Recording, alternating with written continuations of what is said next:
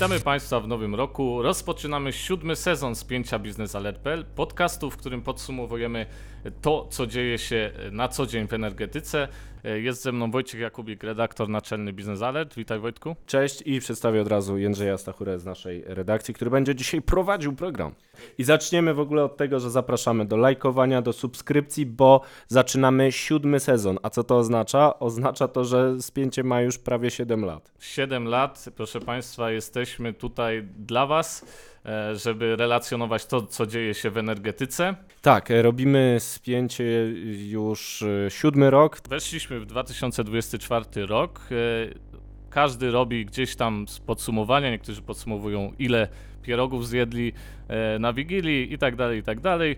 Czas podsumowań. Zawsze ten, e, ten nowy rok jest, jest tym okresem, w którym e, też na przykład e, robimy sobie różne postanowienia, a dzisiaj, tak jak mówiłem wcześniej we wstępie, e, chcemy porozmawiać o Gazpromie, o tym gigancie, który miał być zbawieniem Europy, jeśli chodzi o dostawy gazu. Swego czasu chciał nim być i przez lata mu się to udawało. gazu z Rosji. Ale w ostatnim roku doszło do pewnej zmiany i właśnie chcemy podsumować ten okres. E, może na początek zapytam, jak kształtowały się wyniki Gazpromu w 2024 roku? Zacznę od tego, co najważniejsze, czyli od pierogów, o których wspomniałeś. To znaczy, jeżeli liczyć uszka, to zjadłem ich kilkadziesiąt i mam mocne postanowienie noworoczne zjeść jeszcze więcej na następnej wigilii, bo to moja ulubiona potrawa. A wracając do 23 roku i tego, co się działo z Gazpromem, to musimy sięgnąć jeszcze pamięcią do 22 roku, żeby w ogóle zacząć od początku e, problemu. To znaczy, nawet w 21 roku Gazprom zaczął już ograniczać dostawy gazu e, do Europy. Wtedy był ważnym dostawcą, ponieważ ponad 40% gazu docierającego do Unii Europejskiej pochodziło od rosyjskiego Gazpromu, od jednej firmy. Był dominującym dostawcą, nadużywał swojej pozycji dominującej, ale tak jak wspominałeś, wówczas jeszcze reklamował się jako e, dostawca godny zaufania, który ma gaz, tani oczywiście, wręcz ekologiczny, wspaniały, paliwo przejściowe transformacji energetycznej w Europie, ale od połowy 2021 roku systematycznie ograniczał podaż w Europie. Dziś już wiemy, że to mogło być przygotowanie do inwazji na Ukrainę, do wywołania kryzysu energetycznego, który widzieliśmy już w 2022 roku. Czyli w 2022 roku Gazprom ograniczał podaż gazu, na przykład zakręcił kurek z gazem Polsce, zrywając kontrakt y, jamalski. Będziemy się o to sądzić, ale gaz przestał płynąć. W wakacje 2022 roku mieliśmy rekordowe ceny na giełdzie europejskiej, ponad 300 euro za megawattogodzinę gazu właśnie przez to ograniczenie podaży z winy Gazpromu. No i ten kryzys energetyczny spowodował, że Europa zaczęła coś zmieniać. I te zmiany właśnie widać w 2023 roku w wynikach Gazpromu, które są jednoznacznie złe z punktu widzenia tejże spółki, która chciała nas powalić na kolana kryzysem energetycznym, oczywiście na zlecenie Kremla, który atakował Ukrainę. Czyli y, Gazprom zraził do siebie Europę, można tak krótko powiedzieć.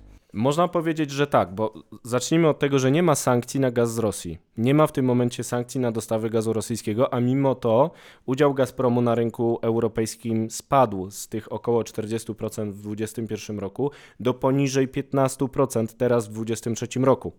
Czyli Gazprom przestał być ważnym dostawcą gazu do Europy. To jest skutek jego działań, skutek odwracania się jego klientów, szukania gazu gdzie indziej. Czy robią to po to, żeby nie obawiać się przerwy dostaw, czy robią to ze względu na to, że nie chcą dawać pieniędzy Kremlowi na wojnę na Ukrainie.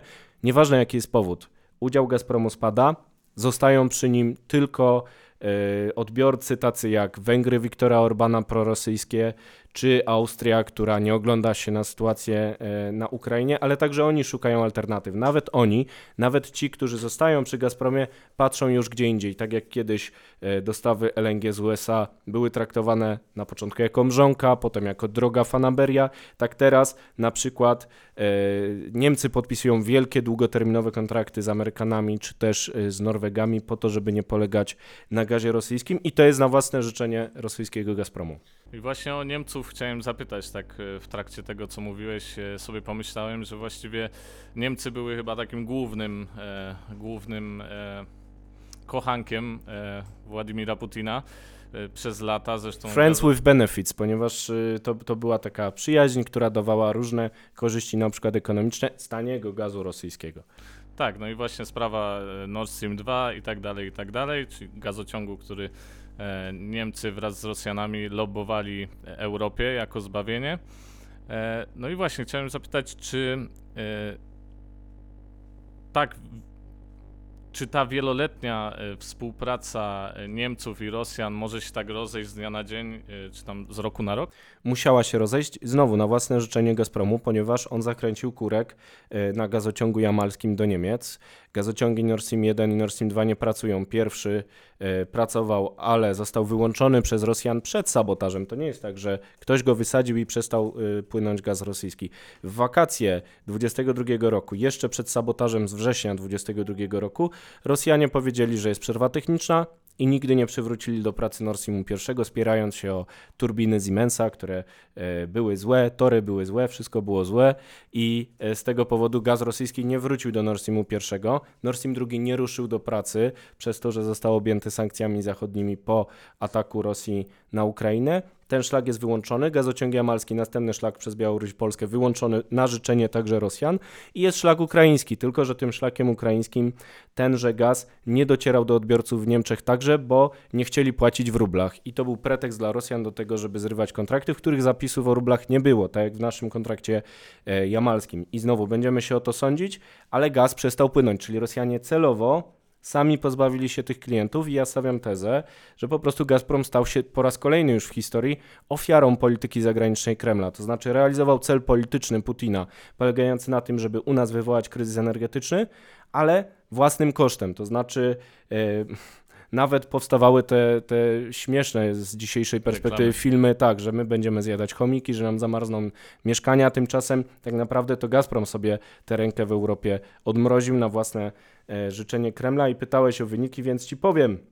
A co? Powiem ci, jakie były. E, tak, w 2023 roku EBITDA, czyli przychody po odjęciu podatków i tak dalej e, Gazpromu spadły w 2023 roku o prawie 40%, czyli prawie o połowę spadły te przychody. E, A jeżeli byśmy uwzględnili jeszcze wielką inflację i spadek wartości rubla, to ten spadek jest jeszcze większy, bo rubel, e, 1 dolar to jest prawie 100 rubli w tym momencie i to jest taki kamyczek do ogródka tych, którzy mówią, że sankcje w ogóle nie działają. No i według najnowszych danych Eurostatu e, gaz rosyjski e, w Europie pochodził w 16% z Rosji, a na przykład e, z Norwegii w 48,6%. E, Jeśli chodzi o LNG, także połowa pochodziła ze Stanów Zjednoczonych, no i Gazprom tutaj znika nam w Europie na własne życzenie. Jeśli spojrzymy też na e, eksport, no to e, widać też, e, że Gazprom e, miał problem z eksportem e, gazu i spadł. Dostawy spadły na rynek europejski też w 2023 roku o 55,6%, czyli o ponad połowę e, wyniosły w minionym roku według szacunków Reutersa, bo Gazprom przestał publikować w ogóle dane, nie ma się czym chwalić, poza tym Kreml je utajnił ze względu na wojnę. E, W sumie to te dostawy sięgnęły w 2023 roku 28,3 miliarda metrów sześciennych. To nadal nie jest zero. Fajnie by było, gdyby to było zero, ale warto przypomnieć, że sankcji na Gazprom nie ma nadal.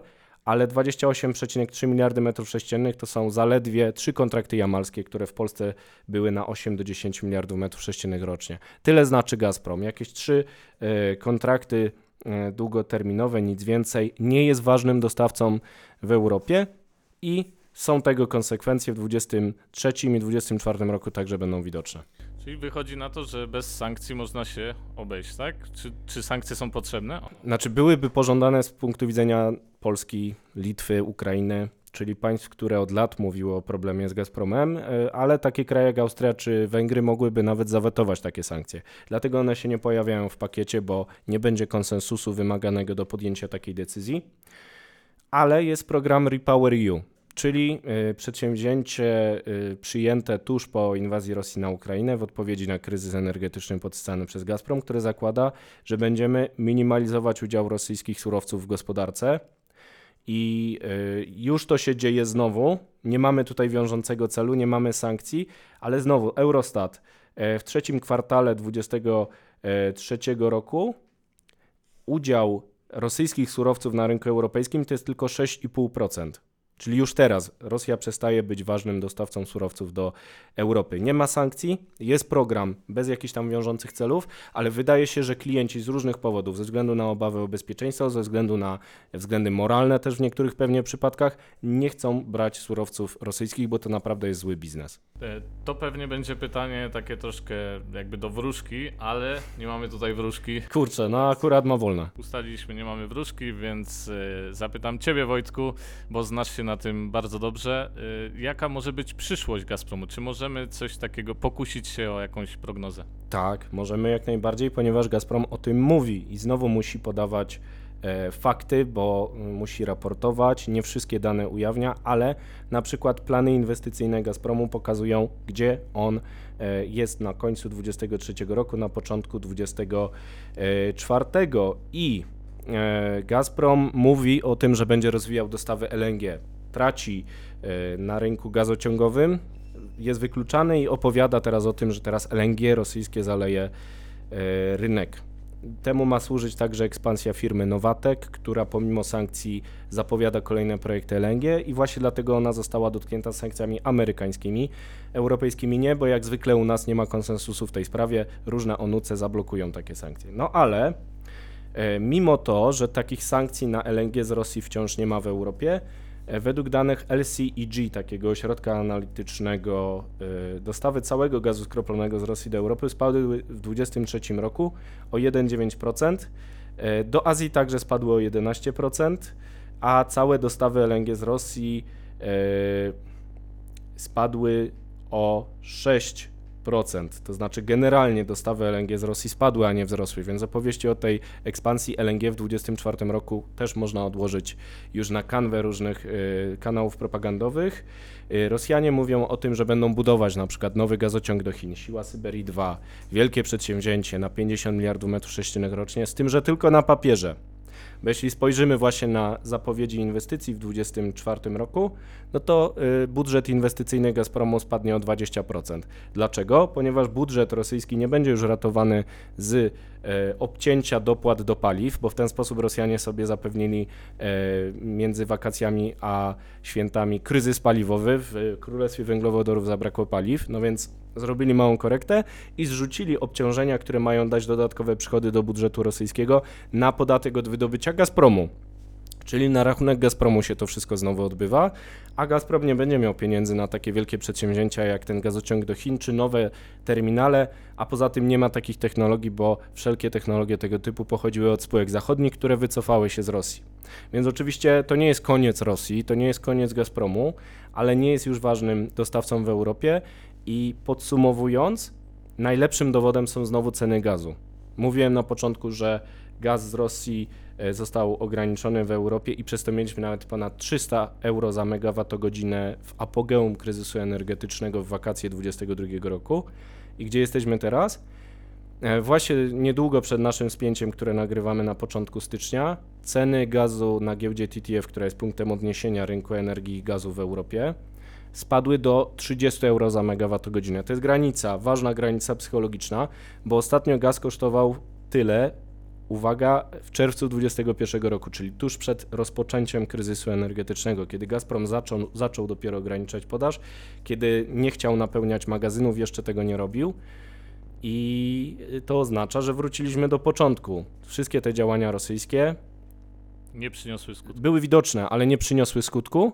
I teraz rynek jest już bardziej impregnowany na to, co Gazprom zrobi. Bo jak Gazprom odetnie dostawy przez Ukrainę, to być może ta e, cena gazu na giełdzie nieco wzrośnie, ale przez to, że Gazprom nie jest już ważnym dostawcą, to nie będzie taki szok.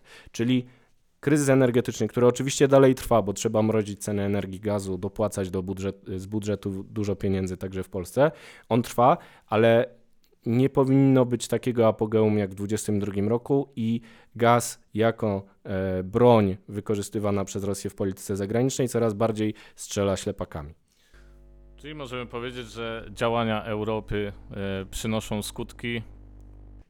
Tak, one mogłyby być bardziej y, skuteczne, bardziej zdecydowane. Tutaj Cały czas y, mamy ten problem z decyzyjnością w Europie. Najważniejsze decyzje wymagają konsensusu, dlatego moim zdaniem też ważna jest dyskusja o reformie zarządzania Unią Europejską, tak żeby ono było skuteczniejsze.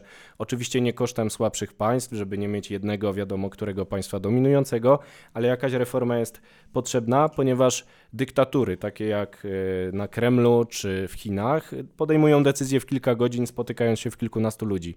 A u nas są kolejne szczyty, kolejne różne wolty, weta i tym podobne, przez to, że mamy 27 różnych organizmów, które dopiero za, zacieśniają tę współpracę i ona jeszcze nie jest taka efektywna. Ale to jest już dyskusja jak najbardziej na 24 rok.